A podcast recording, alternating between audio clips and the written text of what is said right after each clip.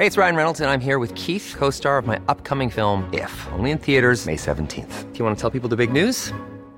All right, I'll do it. Sign up now and you'll get unlimited for $15 a month in six months of Paramount Plus Essential Plan on us. Mintmobile.com slash switch.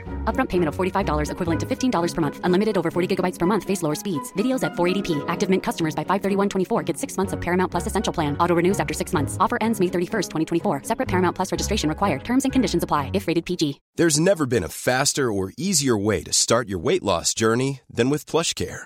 PlushCare accepts most insurance plans and gives you online access to board-certified physicians who can prescribe FDA-approved weight loss medications like Wigovi and Zepbound for those who qualify.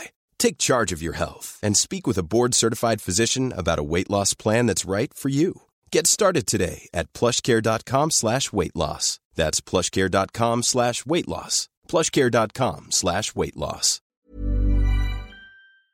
Det er en glede å ha besøk av Thomas Trapuse, aka Mr. Pimp Lotion, som sitter her i dag med teip på munnen, og vi skal dykke så innmari i det. Eh, velkommen til oss. Eh, hva sier man? Sier man Pimp eller Mr. Lotion, eller hva, hva, hvordan blir det? Mm, eh, nei, så det, det kan dere velge. Jeg er veldig vant til at folk kaller meg Lotion, da. Men Ja. eh, så det er kanskje det jeg er mest komfortabel med. Lotion? Ja, Larsen, ja. Eller kidsa i nabolaget roper sånn 'Der går Pimp Larsen!' Så de har ikke helt skjønt dette med Larsen. Da. Så noen kaller meg Larsen. Hva slags nabolag er det? Pimp Larsen? Det høres jo ut som et slakteri mer enn det høres ut som en eh, hiphoper. Eh, sånn. Ja, Det er faktisk eh, nabolaget til Martin Jonsrud Sundby. Da. Det er, ja, ja, jeg holder til oppe på Røa her. Ja. Det er der det best luftkvalitet. Bare aller først, det her har du sikkert svart på en drøss, drøss av ganger, men jeg har ikke fått det med meg. Hvor kommer dette navnet fra? Mr. Pimplotion? Jeg antar det ikke er døpe... Eller det er vel beviselig ikke døpenavnet ditt, men hvor kommer det fra? Nei, det var egentlig Så det er jo, jeg er jo en, eh, det man i eh, hiphop-miljøet kaller en triple OG, altså en som har holdt på veldig lenge. da. Ja. Så det er jo i hvert fall 20 år siden jeg kom på det navnet. Og det var vel mest bare at det var det desidert mest komiske jeg kunne tenke meg.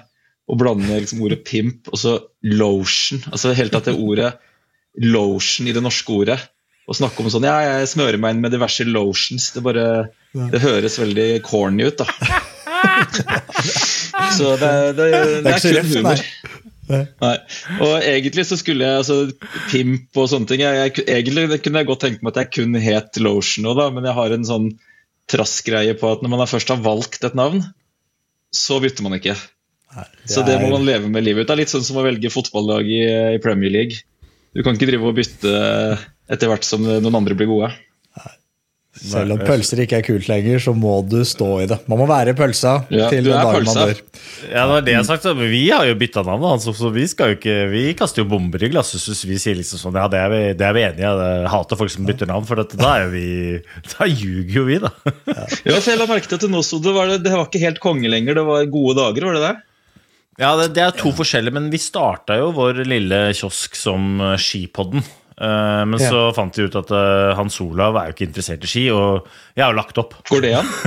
Ja, det, det, det, det, det er en egen podkast, faktisk, eh, Ja. Nei, vi, er, vi rører jo innpå, vi toucher innpå en del ski, da. Vi må jo vi kan, fortsatt. Men vi, vi er vel, var vel at vi vil liksom se, vi ville vide horisonten. Og det er vel som alle andre podkastere, at man skal vinne verden. Man prøver på det. Man ser Joe Rogan får det til. Hvor vanskelig kan det være? Og da tenkte jeg at vi kan ikke være for snevre. Så jeg vet Ja, ikke om det nei, er men- en suksess. men Når, nei, når det er sagt, altså, sånn, jeg følte vi kanskje var bedre når vi ralla om eh, skjegget til Sergius Djugov enn når vi lytta til Kowalczyk. eh, atomer eh, på fettting som vi ikke skjønte noen ting om. Men det, men det, det skal jeg ikke ta opp. Hva med, da- hva med barten til Silvio Fauner? Snakka dere mye om den, eller? Nei, den kan vi til Den. Silvio Må komme til Faun. Eller. Albarello. Albarello. Herregud, der snakker vi frekvens der. Eller barten til Manuela Di Dicenta.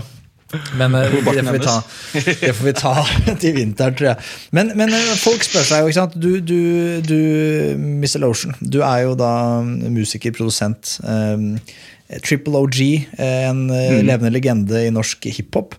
Uh, og så vet jeg, sitter det folk nå og hører på som spør seg hva i all verden uh, skjer nå? Hva, hva gjør han på en podkast som stort sett nerder om helse og liksom trening og sånne ting? Hva foregår? Og, og fortell oss, forklar oss eh, dette. Fordi du er jo ikke fremmed for litt trening, du. Eh, nei, eh, jeg tror faktisk at uh, veldig mange har fått med seg at jeg er over middels opptatt av helse og det som på engelsk heter biohacking. Da. Jeg har alltid vært litt sånn som har uh, Jeg skal ikke si at jeg har I hvert fall til å utfordre etablerte ting. da. Ting som enten er sånne våre oppleste og vedtatte sannheter som vi bare får servert. Har jeg alltid stilt spørsmålet hvorfor er det sånn. Det var sånn når vi gikk på ungdomsskolen, så ja, nå må vi tøye ut ja, hvorfor det? Nei, man må tøye ut etter at man har trent. Eh, hvorfor, ja, hvorfor, det? Nei, men sånn er det bare. Ja, for Også, det, hvorfor må man tøye ut? Nei, man må ikke tøye ut. okay. det, er, det er jævlig helt riktig svar. Det, det sånn, du, du, har jo aldri sett en løve eller tiger tøye ut, men de strekker seg om morgenen. ja, og det gjør jeg. Ja, det gjør jeg òg. Ja. Eh, faktisk Apropos løve og katter og sånn, det er jo en annen ting jeg har for meg. det er jo det at Du aldri sett en løve eller um, katt varme opp før man skal plutselig ta et uh, kjempebyks. Så jeg driver og utfordrer kroppen. Og ikke barn heller, da. Så jeg har en sånn greie hvor jeg prøver å beholde muskulaturen min litt ung. da. Så jeg, hver eneste dag så skal jeg minst ha én all in-spurt uten å varme opp. Dette har jeg snakka om på denne podkasten før. Har du? Så, ja, ja, ja. Jeg, jeg, altså, jeg, hører lang vei at vi kommer til å bonde. Du er nok Jeg i mitt, mitt, miljø og blant mine venner så blir jeg ansett som veldig sær. Men jeg tror mm. at du går meg, eh, om ikke en skyhøy gang, så en høy gang. Det tror jeg kanskje. Og, og jeg beundrer det. Jeg beundrer det. Og, jeg, og jeg, har, her har jeg en ledestjerne på mange måter. For det, dette, dette, er spennende. La oss, la oss, snakke om dette her. Kjenner du til en fyr som heter Joel Green? Hørte man? Mm, det, det, ringer en bjelle, men fortell meg litt, da. Ja, nei, han, han, eh, snakker om dette her, eksakt dette. Han mener at mm. eh, en av de viktigste måtene man kan holde seg unge på, holde kroppen ung på, det er å sprinte og spurte. Og det er raske mm. endringsskifter. Og hele det der konseptet om at man at det, man, det, er stiv i musklene og man får strekk og sånn. Det mener jeg at det er noe som er liksom skapt av at vi slutter med det. Vi bare driver ikke med det. Barn mm. driver med det hele tiden. Nei. Derfor så blir, er barn unge. Men så fort du liksom passerer sånn 12-13-årsalderen, så slutter vi med det. Vi, kulturen vår, altså samfunnet vårt, så opplæres vi til at vi skal gjøre veldig sånn trygge, enspora bevegelsesmønstre. Hvis du begynner å trene og spesialisere deg, så begynner du å gå på ski, da, sånn som Øystein gjorde, så mm. gjør du kun det. Og da slutter man til en viss grad å sprinte, eller, eller å mm. bykse, eller hoppe, eller gjøre de mer ekstreme tingene. Så han gjør det, og ja. mener jo selv. Og så har han test, gjort noen tester på sin egen kropp, og så ser han at uh, han er i hvert fall oppsiktsvekkende mye yngre enn det alderen han skulle tilsi. Eh, og scorer veldig bra på en del sånne tester. Og så sier han at det kommer av dette, og så sier skeptikeren at ja, du har bare gode gener. Ja. Men, ja, men, men, det høres ut som en helt i, i min, eh, min, sjanger, da. Men, uh, men ja. hvis, man, hvis eh, jeg sitter og så, jeg så kjøper jo Det er jo veldig lite vitenskapelig her, men det, jo, det resonnerer jo med mitt logiske hode, det dere sier. Og så sier jeg at ok, jeg og fire andre lyttere tenker sånn, ja, men det skal jeg begynne med. Er det sånn man bare begynner med en spurt da, eller må man eh, begynne med en litt kontrollert spurt og så bygge det opp? Eller er det sånn at hvis jeg nå tar en spurt i morgen, så blir jeg skada? Det kan jo hende når kroppen ikke er vant til det. Jeg har jo En sånn, eh, en av disse biohackene som jeg er veldig opptatt av, da, det er eh, at jeg prøver å restaurere eh, mitokondriene mine til sånn de var når jeg var barn. Veldig, altså det, det, som, det, som, er på en måte teorien min, er at mitokondriene blir dårligere eller mindre fungerende med årene. Så man har liksom mindre energi. For hvis man ser på barn som bare er ute, og så ser de kanskje en venn som er 100 meter unna, eller man, går, man møter dem, så går de deg i møte, da kan de bare legge om i en løp bort til der de skal, selv om de ikke har dårlig tid. Men voksne mennesker er ikke sånn at eh, de bare løper plutselig hvis de ser en nabo som er 50 eh, meter unna. Sånn at Det prøver jeg å inkorporere i min livsstil. At jeg sånn Hvis du ser noen kjente, så Faller meg naturlig å løpe litt og hoppe over en greie, eller sånn Bare løpe uten at jeg må løpe. Ja. ja. Da føler, men det må du på en måte ha Eh, energi til. og da må, ha, da må, du leve på en sånn måte at mitokondriene dine orker å gi deg den energien. Da, ja, da blir jo oppfølgingsspørsmålet hvordan er det? Ja, Det er veldig, veldig mange måter. Eh, det er eh, alt fra hvordan man spiser til altså mineraler, vitaminer, altså når man spiser, søvn Altså full pakke, da. Og så skal du være opp, bli det, ultimale, det, optimale av deg selv, da, så må du på en måte da må alt stemme. Altså, du må ha riktig søvn, du må ha riktig kosthold, du må ha riktig aktivitetsnivå. Eh, må, sånn at liksom, alt må stemme, da, og det påvirker mitokondriene. Blant annet, en veldig bra ting for mitokondriene er dette som er litt i skuddet nå, med sånn tidsbegrenset eh, spising, eller intermittent fasting. da. Det, og masse andre ting. En del supplementer. Eh, og, ja, og søvn og, og diverse. Det, her, det, det, er masse spennende, men vi må jo kunne røpe det, vel, at du er Du nærmer deg 50 år? Er det lov å si det? Eh, jeg opererer kun med kondisjonsalder. Ja, ja, ja og den der, eh, det var Sist gang jeg sjekka, så var den 18. Ja, nettopp. Det er det eneste jeg vet noe om. Nei, men det var ikke når du var 18 at du sjekka det? Nei, nei, det var, eh, det var i fjor. Ja, Inntil Garmin begynte å legge en sånn nedre grense på at, du, at de ville ikke la deg gå lenger ned enn x antall år yngre enn det du faktisk er. da. Så da plutselig stoppa jeg på et eller annet 30 eller noe sånt, men før det så var jeg nede på 18. Det er det jeg opererer med. Men du holder deg, du holder deg oppsiktsvekkende godt. Jeg så Aftenposten hadde en sånn stor sånn feature-artikkel hvor det var liksom jakten på ungdomskilden, hvor de gikk langt til å insinuere at du kanskje var inne på noe. Eh, og, det er jo som du sier, det er veldig mange ting her. og Jeg, jeg tror at vi kanskje, det blir ulike episoder. Vi, vi klarer ikke å gå gjennom alt. Men noe Nei. av det mest spennende som du driver med, eh, noe som jeg for øvrig selv også har drevet med i tre år, uten å vite om at du holdt på med det, men du har, igjen har dratt det mye mer ekstremt enn meg, men det handler om å fokusere eh, på nesepusting. Å være fanatisk opptatt av nesepusting. Eh, Oi, driver du med det også? Ja, ja jeg, jeg, teiper munnen om natta når jeg sover.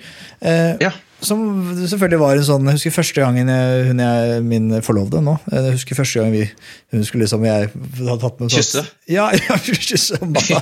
Nei, men hun skulle liksom Og jeg sa ja, da, da teiper jeg. Så jeg sier hva mener du? Teiper du? Hva snakker du om? Nei, da teiper jeg. Da er natta. Liksom, nå teiper jeg. Og så mm. har hun vent seg tid, og hun elsker meg heldigvis såpass at hun aksepterer de særhetene der. Men, men, jeg gjør det om natta, og, og det, grunnen til at jeg begynte å gjøre det, var at jeg, at det var, jeg fikk jo ble inspirert av, av, noen, jeg husker ikke farta av hvem, eh, og som mente dette var bra. så hadde de masse... Hvor lenge har du gjort det? Det er tre, i overkant av tre år, tror jeg. Så det er ganske lenge. Mm. Men, men, men, hvorfor jeg fortsatt med det? Altså, jeg begynte med det fordi jeg fikk det anbefalt av noen mer eller mindre tillitvekkende folk. Og så har jeg litt den approachen til livet at eh, det må jeg teste. Altså, det verste som skjer, er at det ikke funker, og så slutter jeg med det. Men jeg må teste den ja, Det verste som skjer, tenker noen, at man blir kvalt og dør i løpet av natta. Det er jo kanskje det, ja. det første noen tenker er det verste. Da, fordi at eh, jeg også teiper jo munnen hver eneste natt. Og for meg nå så er det, er det helt naturlig. og det, det på en måte, Jeg syns ikke det er noe kontroversielt i det hele tatt. Jeg vil, jeg vil si at Det er det, det burde vært ekstremt mainstream. Av alle tingene jeg driver med, så er det å teipe munnen om natta som burde være det som alle kunne drive med. Men når jeg hørte om det første gangen, da, det var det mest sjokkerende jeg hadde hørt kanskje noen gang. Ja, altså, jeg, jeg, jeg, var helt jeg, eh, Når han så fortalte meg at han teipa munnen, så tenkte jeg jeg må komme meg unna han fyren. Eh, det er ikke klart, da. Han er jo en edderkopp av en annen verden. Men så hører jeg du gjør det også. Men ok, jeg er helt sikker på at det sitter folk der ute og tenker som meg. Hva, hva i all verden er det dere holder på med? Altså, er, spørsmål én hvorfor skal man teipe munnen om natta? Ja. Um, det de fleste tror, da, ja, som ikke har satt seg inn i pust, det er jo at om du puster med munnen eller nesa, så er det, det er ett fett. Det, er, det, går bare ut på å få luft ned i lungene og ut igjen, og that's it. da. Men så viser det seg at uh, hvordan man puster, det har enormt mye å si for uh, kroppen og helsa di. Du kan påvirke så mye med, med, pusten. Og da kan man i hvert fall starte med natta. Da, for om natta når du ligger på ryggen, eh, pga. at du både ligger og pga. gravitasjonene, så når du sovner så, og musklene slapper av, så detter gjerne kjevepartiet ned. Og så åpner munnen seg. Og så, Du kan jo prøve selv. Hvis du lener hodet bakover og åpner munnen, så kjenner du at tunga og sånn også detter litt bakover. Og Det fører til at uh, en stor del av befolkningen puster sånn her om natta.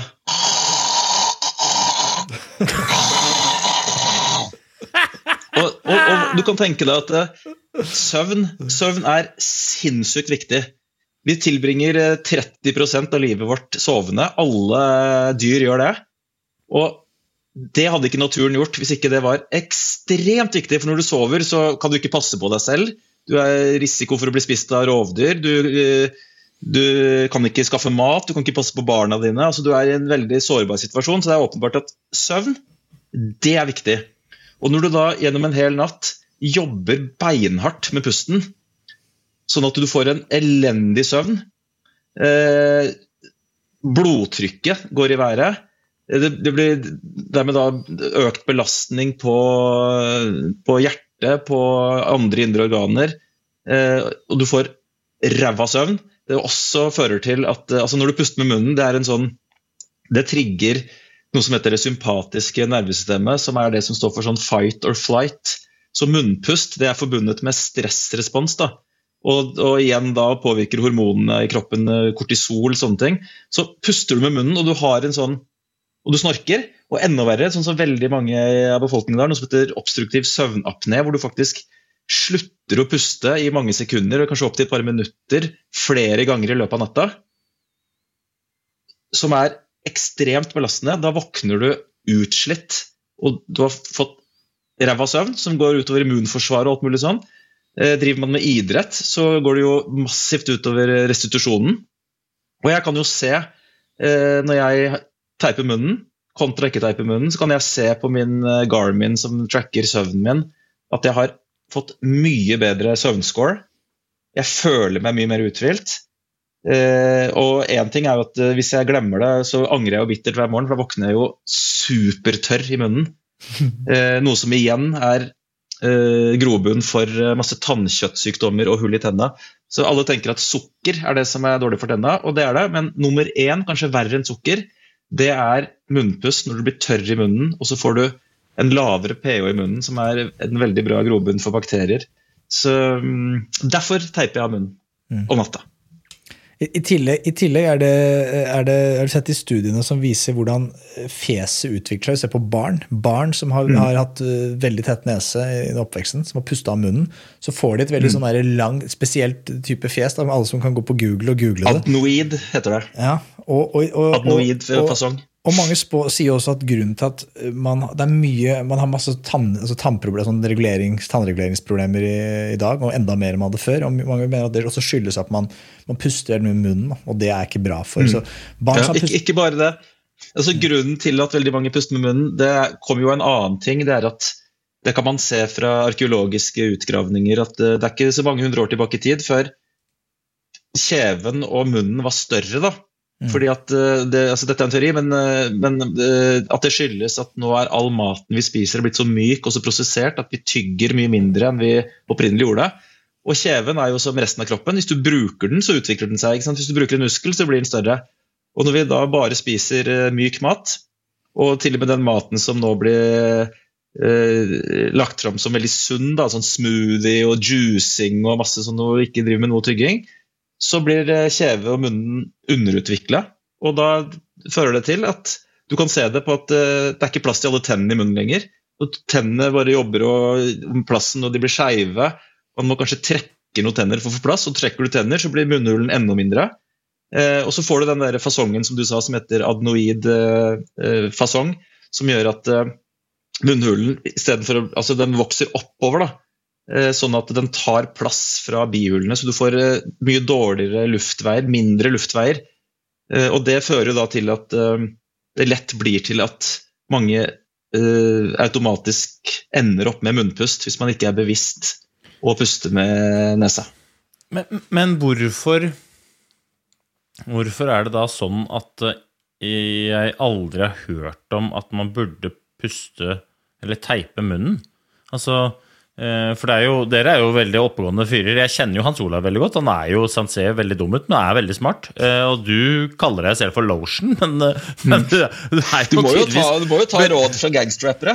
ja, så det er jeg, er, jeg er i hvert fall livredd for å gå imot gangsterrappere. Men jeg lurer på hvorfor er det da sånn at vi ser på dette som kontroversielt? Hvorfor er det sånn at jeg ikke har hørt, hørt dette før? Og jeg spør oppriktig bare av nysgjerrighet. Ja. Nei, det er jo også, Leger lærer jo ikke noe om dette her. Og det er jo ikke noe egne pusteleger. Du har kanskje neseleger som driver med operasjoner og sånn. Men eh, du, ikke, ikke, du, kan ikke få en doktorgrad i pusting. Sånn at, men det er jo i, tiden nå, sånn at det er jo kan si, en litt sånn glemt kunnskap. da. For dette er jo noe som urfolk visste om, og passet på at babyene lukka munnen og, og pusta med nesa og sånn. Eh, sånn at, eh, at, du ikke har hørt om det. Jeg tror du kanskje kommer til å høre en del mer om det framover nå. Ja. Det har blitt mer fokus på det. Jeg, jeg vet i hvert fall fra idretten sjøl at um, det å lære seg mekanismen for å styre pusten, enten det er i inngangen til konkurranse, eller det er restitusjon, eller det er under konkurranse, Mm. Eh, når man på en måte klarte å få noen Det høres jo veldig fancy ut, noen teknikker, men liksom det å styre pusten slik at du faktisk kan planlegge f.eks. For, for et oksygenunderskudd som kommer i neste bakke gjennom å puste litt mer enn du trenger før bakken begynner, f.eks. Mm. Sånne små ting har jo veldig stor effekt. Jeg, jeg kjøper veldig godt denne bevisstheten rundt effekten av å puste. Det gjør jeg. Mm. Men spørsmålet er om du får oksygenunderskudd i de bakkene, eller hva som er mekanismene. Eh, vi kan jo kanskje i løpet av denne episoden komme inn på hvorfor jeg også puster med nesa når jeg trener. da. Og jeg gjør det gjerne nå. Ja, la oss kjempe... gå dit, for det, det, er jo det, det jeg mener Du er mer ekstrem enn meg. Jeg driver jo og puster eh, med nesa om natta og teiper munnen da, men jeg hadde aldri falt meg inn å teipe munnen når jeg trener. Og, og, det, og jeg, jeg, Noen ganger så har jeg prøvd på å force munnen igjen. Eh, mm. Bare for gøy, for å teste meg selv. Jeg merker veldig fort at det, det Var det gøy? trives jeg ikke. Nei, det var ikke spesielt gøy. Det er ikke gøy. Men, jeg, men jeg har jo ikke gått til ekstreme steg at jeg har teipa munnen. Så jeg har jo på en måte helt hatt mulighet til å åpne kjeften, og da gjør jeg jo det. Ja. Nei, fordi at um, det Når du uh, blir veldig andpusten når du kommer da til en motbakke og du kjenner at du må puste Du, altså, du blir kjempeandpusten, så tolker jo du det som at eh, du trenger mer oksygen. Men det er jo ikke det du kjenner. For hjernen har ikke noen reseptorer som registrerer det. Det hjernen registrerer, er at den syns at du har for mye CO2. Ja, samme, som, eh, samme, som, du skal holde pusten under vann. Altså det, om ja. å få mest mulig CO2 ut før det går under, ikke nødvendigvis å fylle lungene ja, med Bortsett fra at det ville jeg absolutt ikke anbefalt. Da, fordi at når du kvitter deg med veldig mye CO2, så øker sjansen for at du besvimer, og det er jo litt farlig under vann. da. Du har jo noe som heter Wim Hoff-breathing. Jeg vet ikke om du uh, har vært innom det? Jeg kjenner til det. Ja, Det er på en måte det motsatte av nespust, hvor man da um, har, Det er en sånn pustesyklus hvor man uh, hyperventilerer i 30-40 pust. Altså skikkelig dype munnpust inn og ut fort. Og da kvitter du deg med masse CO2 når du gjør det. Og så skal du holde pusten så lenge du kan. Og så tar du noen sånne runder, da. Og da, og da du, gjør du det til og med på utpust. At det siste du gjør, er å kvitte deg med all luft, og så holde pusten. Og da har i hvert fall jeg har klart å holde pusten i fem minutter etter en sånn utpust. Og det er kun basert på at man har kvitta seg med så mye CO2. Da. For det er jo når du da ikke lenger klarer å holde pusten, så er det fordi at hjernen syns at du har, har bygd seg opp for mye CO2 i blodet. Eh, og da er det jo, men da er det risiko for å besvime. da. Så Derfor så ikke gjør det når du skal holde pusten under vann. fordi da, er, da, kan du drukne. Mm. Eller kjøre bil, for den saks skyld. Eh, men, men, det som er da, er at eh, veldig mange tror jo at jo hardere du puster, jo mer oksygen får man.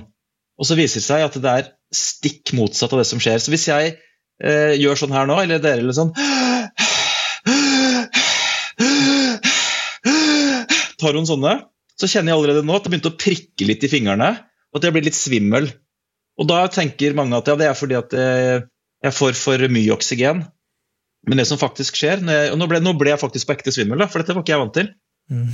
Det som skjer når du da hyperventilerer, og da er jo en av de sånn klassiske knepene man får beskjed om, er å puste i en papirpose eller noe sånt for å, for å komme seg hjem. da. Men det som skjer når du hyperventilerer, er at du kvitter deg med masse CO2 når du kvitter deg med CO2, så trekker blodårene seg sammen. Så blodårene i hjernen trekker seg sammen. Blodårene, De små kapillærene i fingrene trekker seg sammen, så du får mindre oksygen til hjernen, mindre oksygen til fingrene, mindre oksygen til muskulaturen. Og så er Det også sånn, det er en effekt som heter Bohr-effekten, som man har visst om i over 100 år. og det er at Jo mer CO2 du har i blodet, jo lettere gir hemoglobinet fra seg oksygen. Så når du kvitter deg med masse CO2, så trekker blodårene seg sammen, og hemoglobinet vil ikke gi fra seg oksygenet. Så med andre ord, jo hardere jeg puster, jo mindre, altså, jo mindre, oksygen får jeg ut der det trengs. Og det er jo det motsatte av hva folk tror. Ja, ok, men, men hvorfor er det da så, er man da så opptatt av å ventilere så mye som mulig når man uh, gjør harde ting? Er det, er, jeg er ikke er det, det. Nei, men, men uh, de som jeg har, jo, drevet med toppidrett da, en, en stund, og der er det jo jeg, jeg, Du mener det er litt feil? Eller helt feil? Spørsmål, spørsmålet er jo egentlig Løper du fortere For du teiper munnen når du trener. Nå, nå, lurer jeg på Løper du fortere med munnen teipa igjen enn med munnen ikke teipa igjen? Jeg løper i hvert fall ikke saktere. Hm, det er spennende. Jeg, jeg, det har jeg sjekka oppe på, på, på HK-laben hos Sondre Sundbø, Og jeg testa makspuls, nei, Max, VO2 Max. Eh, det var litt eh, teknisk utfordrende å, å teste med nespust, fordi at den maska var jo egentlig beregna på munnpust eh, og pressa litt over neserota og sånn, men kan, da fikk jeg iallfall svaret på at jeg presterer like bra med nesepust som munnpust. Det, bare, Også, I forlengelsen av det, bare for jeg bare, ok, målte du da oksygenopptaket, og er det forskjell? Det var også likt. Det var, det var likt også, for det har ikke noe med ventilert luft å gjøre. Nei, for det som er greia, er at det, det, har, altså, det kan godt hende at jeg får inn jeg får jo inn mindre volum på pusten. fordi at eh, Pustefrekvensen går jo drastisk ned. ikke sant? Når, når jeg puster med nesa du kan tenke deg, Hvis du hører nå, nå skal jeg puste med munnen det, helt ut og helt inn. Se hvor fort det går. Det er det jeg har å by på der. Med nesa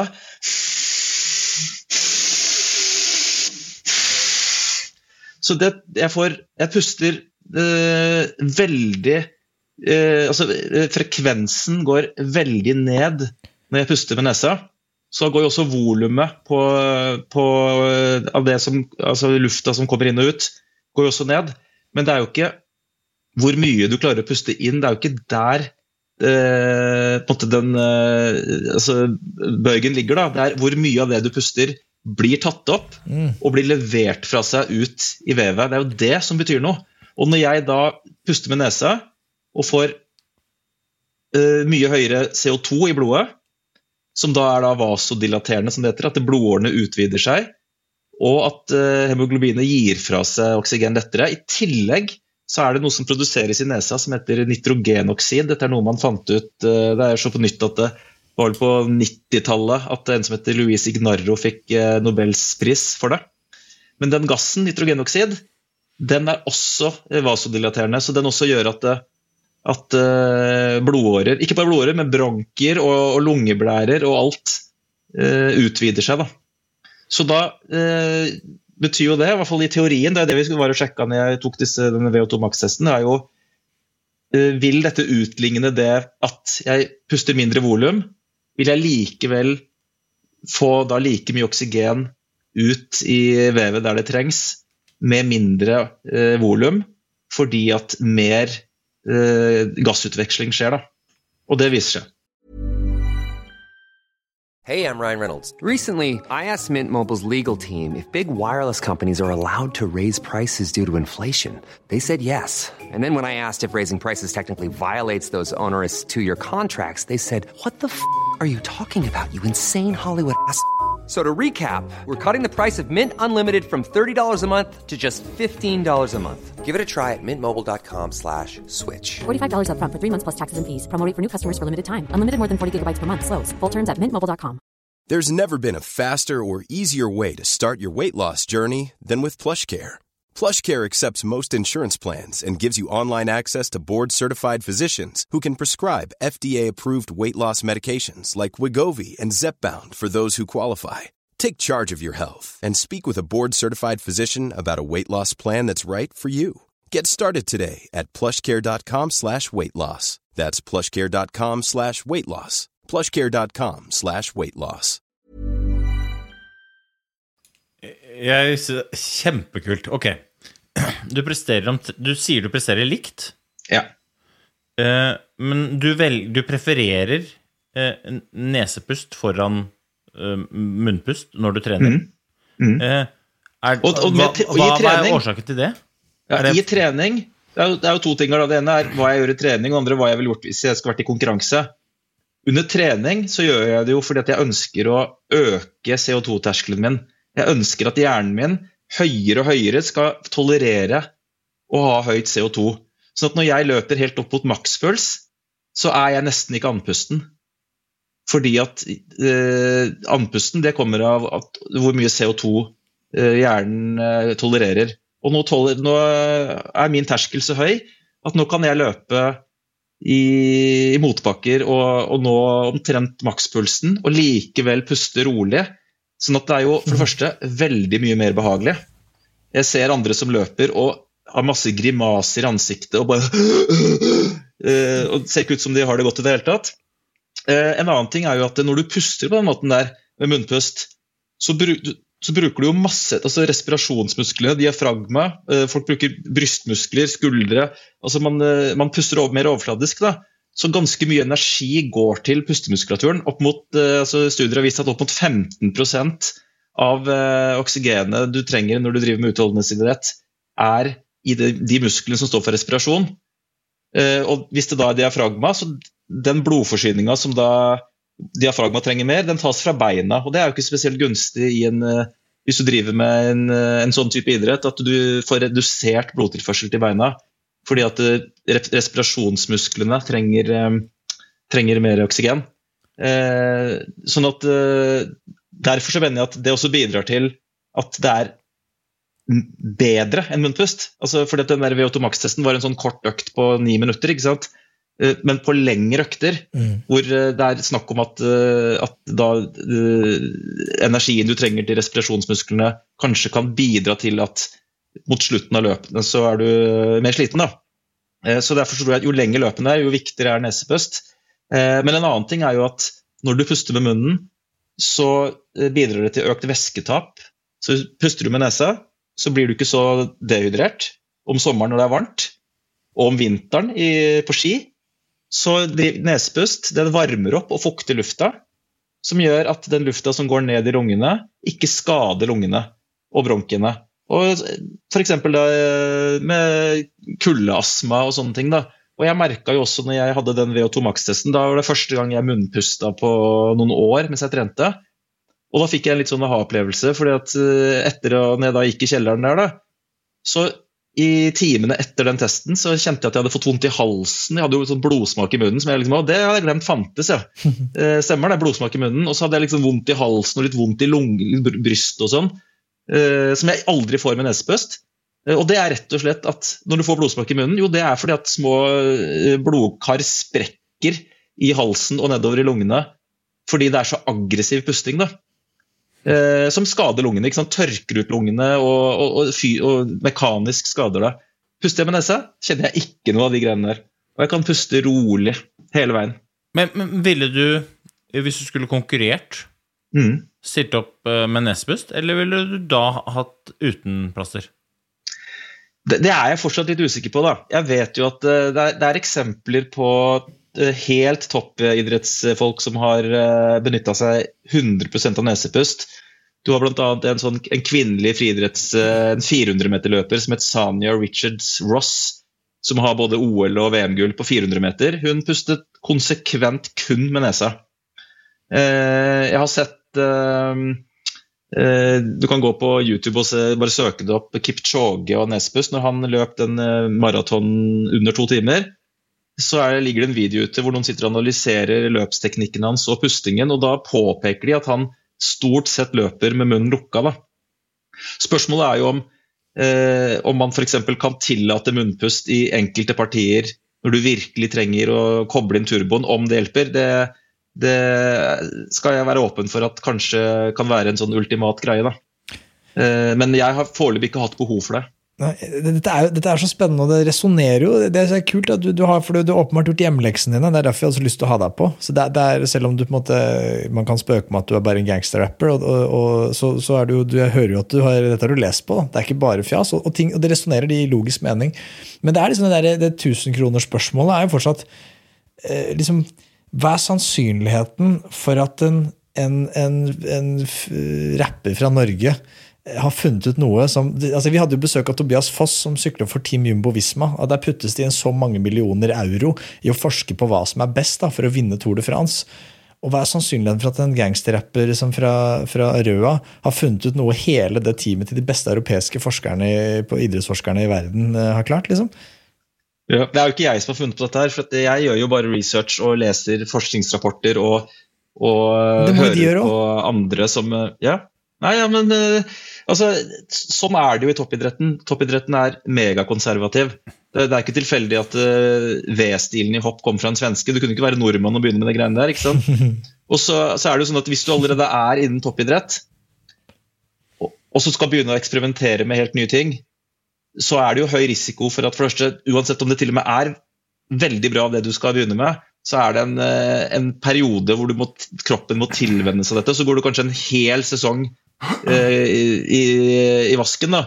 Mm. Eh, hvem er interessert i det når man har en relativt kort karriere og kanskje havner utafor landslaget? Ja, dette er jo kjempespennende, for det du peker på nå, er jo utvikling. Og du har helt rett. da, Toppidretten er eh, ganske konservativt når det kommer til utvikling, av den enkle grunnen at utvikling ofte innebærer at du må ta ett skritt tilbake igjen før du kan ta to fram. Og det har man egentlig ikke tid til i toppidretten. Jeg, eh, kan kjenne meg selv igjen ganske godt i det. Og jeg vet jo f.eks. når klappskøytene kom på skøyter, så ble de selvfølgelig gitt til de beste løperne først. Men de så på dem og tenkte nei. Og så ble de gitt til nederlandske juniorløpere, som plutselig begynte å slå seniorrekordene til eh, damene.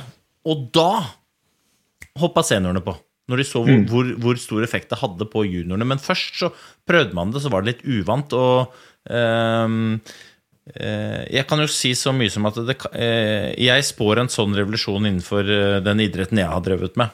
Uh, om ikke så altfor lenge. Uh, og så skal jeg ikke si noe mer enn det. Men um, det, det er veldig, det er Si litt veldig... mer, da. Nå ble jeg veldig nysgjerrig. Ja, ja, men det er veldig bra da, at du er på, på, på, på pinnen. Jeg skal Send meg en DM, er det ikke det de sier? Mm. Jo, jeg skal.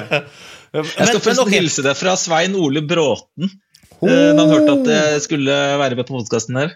Det er en, det er en legende. Det, da, hvis han hører på, så må vi hilse til Svein Ole. Jeg ser han driver og sykler ennå. Han er en harding. Han, min første, det var min første skitrener, og, og guttungen hans, Henning Bråten Norgesmester i skateboard? Ikke sant? Han, han, var jo veldig god på ski, han også, men han, jeg lurer på han ble nummer to i EM i streetskate en gang i tida. Så mm, shout-out til både Henning og Svein Ole. Men ok, eh, eh, hvis jeg sitter og hører, og så er jeg jo ærlig på at men, ok, jeg også er nysgjerrig. Jeg, også, jeg har ingen, ingenting å tape når det kommer til uh, å, å, prøve. Og jeg tenker det er flere som tenker ja, men det skal jeg prøve. Holder det da å uh, jogge seg en tur og så bare tenker jeg, ja, men det tar bare å ha munnen lukka? Eller må man gå til det fysiske skrittet og teipe? Nei, jeg skal være helt ærlig at når jeg løper rundt på Røa her, så er jeg ikke interessert i å skremme livsskitten ut av gamle damer. For det tror jo det er Hannibal Lecter som kommer løpende. sånn at jeg, altså Hvis du har uh, disiplin nok til å kun puste med munnen og holde munnen lukket, så det, trenger du ikke teip. Uh, jeg gjør det noen ganger som en sånn statement, og skal jeg delta i noe løp, eller noe sånt, så skal jeg selvfølgelig gjøre det. bare sånn for å, altså Det syke ut folk. Nå, Tidligere i uka så hadde jeg en sånn uh, intervalløkt nede på Filipstadkaia med en gjeng. da, og så og så puster jeg med nesa, ikke sant? Og, og, alle andre puster med munnen. Og så er jeg mindre sliten enn dem, og det, da, det psyker jo ut eh, folk, da. Sånn at det, det er jo en, en bra statement. Men, faktisk, eh, eh, sånn jeg bare er inne på det, da, for hvis jeg, jeg, har en annen sånn hack som jeg gjør når jeg løper også, okay. uh, som, uh, som, ikke gjør ting bedre hvis jeg i tillegg løper med, med teip. Det er jo at uh, denne nitrogenoksidgassen Jeg vil snakke litt om den, faktisk den nitrogenoksidgassen som da produseres uh, i nese-bihuler, som da er vasodilaterende, altså får uh, alt til å vie seg ut um, Den uh, Hvis du lager sånn en humming-lyd, da, sånn mm, Liksom som det høres ut som noen sånn der, en sjaman i en eller annen sånn stamme. I en eller annen så, kongelig familie, eller noe Ja, for eksempel. Ja. Ja. Så um, øker produksjonen av den nitrogenoksiden eh, opp mot altså Det kan bli 15 ganger mer nitrogenoksid i systemet. Da. Så når jeg da løper med teip på munnen, og i tillegg løper med sånn på alle mm, mm, Altså, jeg hømmer på utpust, da. Eh, så eh, er det jo folk kan bli redd. sånn at uh, Derfor så, så, velger jeg som regel ikke å ha teip, da, for å ikke se helt uh, ut som jeg har rømt fra et, uh, en institusjon. Men, men, fra et praktisk eh, ståsted, da. Uh, hvis du kunne gitt meg liksom Gitt meg og eventuelt andre som tenker ja, jeg skal gi Lotion en, eh, og Hanso en, eh, en test. Liksom, Hva er noen enkle steg hvordan man skal begynne? Begynner man på å bare trene som vanlig, men kun puste med nesa? Eller må man endre treninga litt? Er det noe, liksom sånn, hvordan kan man komme inn i det? Og eh, hvilke utfordringer er jeg må forberede meg på at det kommer? Slik at jeg ja. kan forberede meg at det dukker opp, så ikke jeg blir helt syka ut av at oi, navn, nå skjedde det noe. Ja, Det som garantert skjer i starten, er jo at fordi du ikke har da opparbeida deg en høy CO2-toleranse, så vil du jo merke at du kan ikke løpe på Eller hvis du la oss si, ta utgangspunkt i løping, da. Du kan ikke løpe på spesielt uh, høy puls. Det, du, du, du, blir veldig fort andpusten. Men det er bare en, sånn, en, en fase man må gå gjennom, da, for det tar, tar, en stund, det tar noen uker altså, og måneder for den saks skyld, før uh, hjernen har da justert denne CO2-terskelen som gjør at det, det, blir komfortabelt å løpe med det. Sånn det, blir, det blir jævlig i starten, og så blir det bedre og bedre. Og på et eller annet tidspunkt, når det var, det vet jeg ikke, men for jeg har jo holdt på med dette her noen år. men nå kunne det ikke falt meg inn og, og trent med munnpust. Jeg syns det er ekkelt, jeg syns det er harry, det er vulgært. det er hissig å si. Hva tror du eh, eh, og, og, og, hva er liksom go to-grunnen for at folk skal begynne å gjøre det? Hvis du altså, si en grunn, liksom, Det er derfor du skal gjøre det. Ja, altså Om du skal trene med det altså Trene med det, det er fordi at det øker CO2-terskelen din. Eh, Husker dere, eller Har dere hørt om han som heter Emil Satopek? Ja, ja, ja. ja. Han, han, jo, han, på, han, holdt jo pusten. Ja, det er akkurat det. For det er akkurat samme. Jeg gjør jo også, jeg gjør også det. Jeg løper mye og, og, holder pusten. Jeg ser kanskje Der er en lyktestolpe der borte. Den skal jeg holde pusten til den lyktestolpa. Uh, og, så noen ganger så plugger jeg det ene neseboret, for eksempel, så jeg kun puster med ett nesebor. Og alt dette er for at uh, jeg skal uh, få, få øke CO2-toleransen. Og det som Spesielt hvis jeg, liksom, jeg trener jo hver dag, ikke sant? og da er jo du som driver med trening selv, vet jo at man skal ikke gå i kjelleren hver dag. Det skal være en del rolige økter. Men da tenker jeg at iallfall mitt eksperiment er at disse roligøktene som er det er jo først og fremst eh, kanskje for at man ikke skal i hvert fall i løping belaste mekanisk så hardt. Da, da pleier jeg ofte å løpe med å kun puste med et nesebor. For da, da, får jeg fortsatt jobba litt med, med CO2-terskelen, selv om jeg løper veldig sakte. da. Og så kan jeg bytte på litt med nesebordene. Det er faktisk uh, det man har funnet ut uh, Man har visst i hundrevis av år. det er at dere, hvis jeg, og jeg nevner det nå, så vil dere kanskje gå en sånn lys opp for dere at det har dere lagt merke til. Men har, har dere noen gang merket at dere La oss si dere er litt tett i nesa, da. Og så er det det ene neseboret som er tett. Og så går det litt uh, en par timer etterpå, så nei, nå var det jaggu det andre som er tett. Mm. Mens dette, mm. det, det, som var tett, det er åpent. Men det er en, eh, en kroppslig altså Det er en måte kroppen balanserer uh, nervesystemet på. da. Uh, og dette her høres skikkelig sånn uh, New Age og, og Durek-aktig ut, men det er faktisk sånn at hvis du puster med det høyre neseboret, hvis det er det dominante, da, som da kroppen styrer, så trigger du noe som heter det sympatiske nervesystemet. og Det er det som er litt sånn fight or flight, gjør at blodtrykket øker, eh, hjertefrekvensen øker, kanskje kroppstemperaturen øker. Når du puster dominant med venstre nesebor, så er det det parasympatiske som gjør at kroppen roer ned. Og det er noe kroppen eh, gjør bevisst, som en sånn å finne balansen i løpet av, i løpet av dagen. Da. Så det er sånn det skal være. Men det viser bare hvor Altså hvor avansert nesa er. Eh, og, og, det der at noen tror at det spiller ingen rolle om du puster med nesa eller munnen. Altså, hvis du ser en plansje, vi går inn på en medisinsk eh, leksikon og så ser hvordan nesa er bygd opp, og ser hvor mye rart den lufta skal gå gjennom før den kommer ned i lungene, da skjønner du at okay, dette er et organ som er Det er ikke noe tilfeldigheter her. Her er det masse eh, Det er en grunn til at man skal puste med nesa. Mm. Eh, Rett og slett, det, man kan, Gjennom å puste med nesa så kan man bl.a. Eh, styre hormoner, hjertefrekvens, eh, hvor mye blodårene utvider seg, blodtrykk, sånne ting. Men, men dette, dette, med parasympatiske og sympatiske nervesystem, at de blir aktivert ulikt med ulike nesebor dette høres jo, mm. må jo være, Her må det være noen forskere. altså dette må, det her kan du ikke, eller? Ja, ja, kan bare, Det kan du bare gå på nettet og lese deg opp på. Det er overraskende hvor mange ganske sånn respekterte institusjoner som, som har forska på dette her.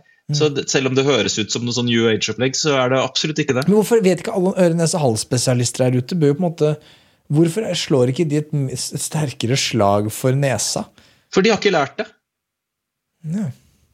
Det, det, de, det, de skal, for det de, det de læres opp til De skal operere det. Ikke, ja, ja, det, er å operere hvis det har gått galt. ikke å, altså, det, man, det, er for mye penger i å kurere frem, Nei, det er for mye penger i å lindre fremfor å kurere. Og de skal jo lindre mm. eller, eller, fikse ting hvis det har gått galt, men ikke å kurere. Lite penger i nesepusting. Nettopp. Samme gjelder jo med kosthold og alt mulig. Hvis, hvis, det er en quick fix, da. La oss si Det man har for funnet ut, er at det er barn som kronisk munnpuster og munnpuster om natta og sånn viser at det er direkte linka opp mot eh, ADHD. Også, men det er jo mye mer penger i å sette disse barna på medisiner. Men hvis det da bare er å teipe munnen deres på natta, og så blir de kvitt problemene Er det noe du sier? Er det en link? Nei, det, det, det, det stemmer.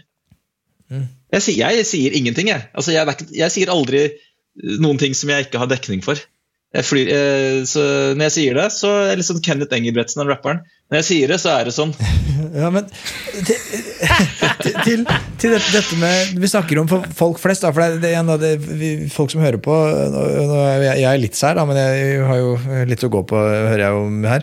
Men, men de som hører på, er nok enda mer Alt, alt som har vært snakka om i dag, tenker jeg folk tenker, er det mange som tenker at det, det her må være noe tull, eh, og det høres mm. ekstremt ut. og, og sånn. Jeg ville jo tenkt at istedenfor å starte med å teipe munnen sin og gå ut og løpe, som jeg tror er for tøft. da. Jeg, jeg tror det er for tøft for folk flest. Mm, jeg. Eh, jeg, jeg, anbefaler folk, jeg er helt enig med deg, de må prøve. og må, Jeg tror man skal gjøre som du sier. Skal, jeg har testa det selv jeg går litt, jeg går litt hurtig, så, så er, det er nok. Og så har jeg ikke stått i det sant, lenge nok. Men eh, det jeg har lyst til å gjøre nå, det, det inspirerer meg veldig da, å høre du snakke om det. og Du snakker såpass godt om det. Men jeg vil jo tro at det der å teipe munnen når de sover om natta, bare tilbake til det vi starta med, det er noe alle får mm. til. da, Og det er ikke farlig. Mm. Eh, kroppen din er, Det er ikke sånn at du blir kvalt og du dør. Eh, du kommer til å rive av det plasteret hvis ikke du får puste. Sånn er kroppen. Eh, og det, det, du sa med nitrogenoksid, det var, husker jeg, det var inngangen min også. For det var det som var liksom, det ble referert til. Da, da, for hvorfor man måtte, burde gjøre dette. Og hvorfor det var bra da, for, for systemet. Mm. Jeg har to ting å bare si om det der. Da. Nummer én er det å teipe munnen til barn.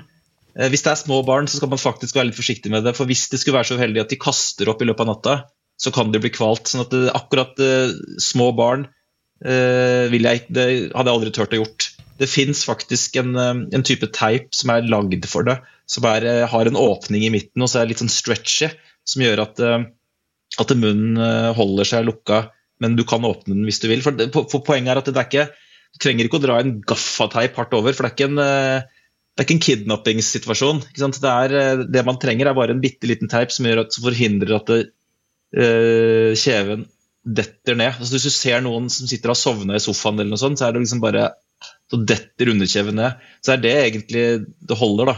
Så det er, det er ikke snakk om å, å teipe igjen knallhardt uh, nødvendigvis. Altså, jeg gjør i hvert fall ikke det. da. Men tilbake til nitrogen. Den nitrogenoksiden. fordi at uh, Det er en sånn fun fact der da, som jeg syns er litt, uh, litt, moro. fordi Nitrogenoksid produseres i, i nesa. Uh, også faktisk når du soler deg, så du får sol på kroppen, så øker nitrogenoksidproduksjonen. Uh, men det er da det som heter på fagspråket vasodilaterende, så det gjør at uh, blodårer, bronker, alt utvider seg. da. Eh, og det er nemlig hele prinsippet bak Viagra. Altså, eh, han, eh, Louis Ignaro og et par andre de fant ut av dette her tidlig på 90-tallet. Og så var det så revolusjonerende at uh, i miljøene så var det sånn nå I år må du få nobelspris. Det, det, og så gikk det et år og et år. Sånn, fikk aldri det, da. Mm. Og så kom Viagra på markedet, som er basert seg på nitrogenoksid. Og det er tydeligvis at de mennene som sitter i Nobelkomiteen, er litt sånn eldre menn som kanskje har litt dårlig potens. Da. For med en gang Viagra kom, da var de, var de plutselig veldig på at uh, nitrogenoksid det fortjener en nobelspris. Ja. Så da i 1998 så fikk han nobelspris for denne nitrogenoksiden. Da. Så det er rett og slett samme prinsipp som den pillen Viagra. Ja. Det gjør at uh, blodårene utvider seg nedentil. For de som, men uh, istedenfor Viagra så kan du puste med nesa. Faktisk så er nesa sterkt linka opp mot uh, kjønnsorganene, så det er jo Det har faktisk okay. ja, Jeg skal ikke komme mer inn på det. Er det, er det, er det noen ulemper med å puste med, nesepust? Mm. Nei. Og det er gratis. Eller eventuelt en teiprull. da Kan vi oppsummere litt? Eller før vi, for dette er mye for folk. La oss oppsummere. Hvorfor er nesepust bra? Nummer én. Det er bra for helsa fordi det påvirker eh, eh, Det kan påvirke blodtrykket, det kan påvirke tannhelsen, det påvirker søvnkvaliteten. Eh, og så er det og så har det den nitrogenoksiden. Det gjør også at du får mer altså det, Nitrogenoksid er jo da også eh, Det dreper virus og bakterier, så det er jo en del av immunforsvaret. Ja. Så eh, i disse covid-tider og andre tider så er, det i hvert fall sånn, eh, er det ikke så dumt å puste med nesa. da. Fordi det, Er du på en T-bane eller buss med mye forkjøla mennesker, så ville jeg absolutt anbefalt noen å lukke munnen og puste med nesa. Så for helsa er det helt suverent. Når du trener med nesepust, så er det da eh, mye mer skånsomt for lunger og sånne ting, men det bidrar også til at mer oksygen kommer ut i vevet, og du får økt eh, CO2-terskel, som er veldig gunstig. Mm. Og så får du da se, da, når du kommer til konkurranse, om du da skal bare flyte på denne økte CO2-terskelen og puste med munnen i konkurranse, eller om du er så trassig at du går for nesepust i konkurransesammenheng også. da fordi du kanskje presterer like bra. I hvert fall, i hvert fall eh, så er det da mindre eh, strain på, eh, på respirasjonsmuskler og sånne ting. Da. Altså jeg, før, når jeg skulle Det kan godt hende bare er litt fordi jeg er bedre trent enn jeg har vært tidligere, men før så var det sånn at når jeg hadde en knallhard intervalløkt, så syntes jeg det var grusomt. Ja. Nå, når jeg løper helt til jeg møter på en måte veggen, da, så har jeg tenkt flere ganger hva, Hvorfor møter jeg veggen nå? Fordi at det er jo ikke så ubehagelig. Eh, pusten går ikke spesielt fort. Jeg har faktisk ikke noe særlig melkesyre heller. Eh, så det, er rett og slett, det gjør ikke så vondt da, når du, når du puster med nesa. Det, veldig, det, var veldig gøy, Lotion. Og um, jeg er eh, på generelt grunnlag uh, både skeptisk og nysgjerrig, og mm. løper ut i morgen med munnen lukket og med litt god gammel gangsterrap på øret. Ja, det er jo litt sånn Som sagt, som jeg sa, da, så er det jo sånn at det, er ikke, det er ikke sånn at første gangen man prøver det, så går lyset opp. Jeg husker noe sånn der, Det var like en liten sånn lavkarbobølge over den norske eliteserien med Strømsgodset og litt sånn forskjellig. og så var det Rosenborg, så skulle Steffen Iversen prøve lavkarbo, og så etter tre dager Nei, det var ikke noe for meg. Det, det, tar litt lengre tid før kroppen får tilpassa seg de forandringene. Så eh, man må være trassig og holde ut en god stund før man eh, får de resultatene som eh, kommer. Men de kommer. Det er veldig bra. Det er veldig bra. Det har vært en glede å ha deg på, så, så ses vi. Ha det, boys. Ha det bra.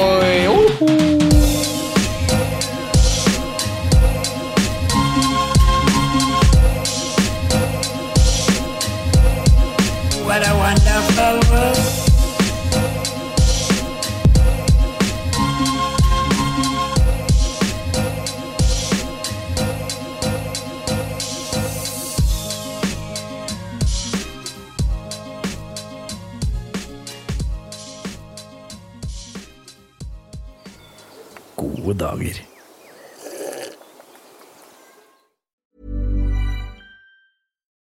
It's Paige DeSorbo from Giggly Squad. High quality fashion without the price tag. Say hello to Quince.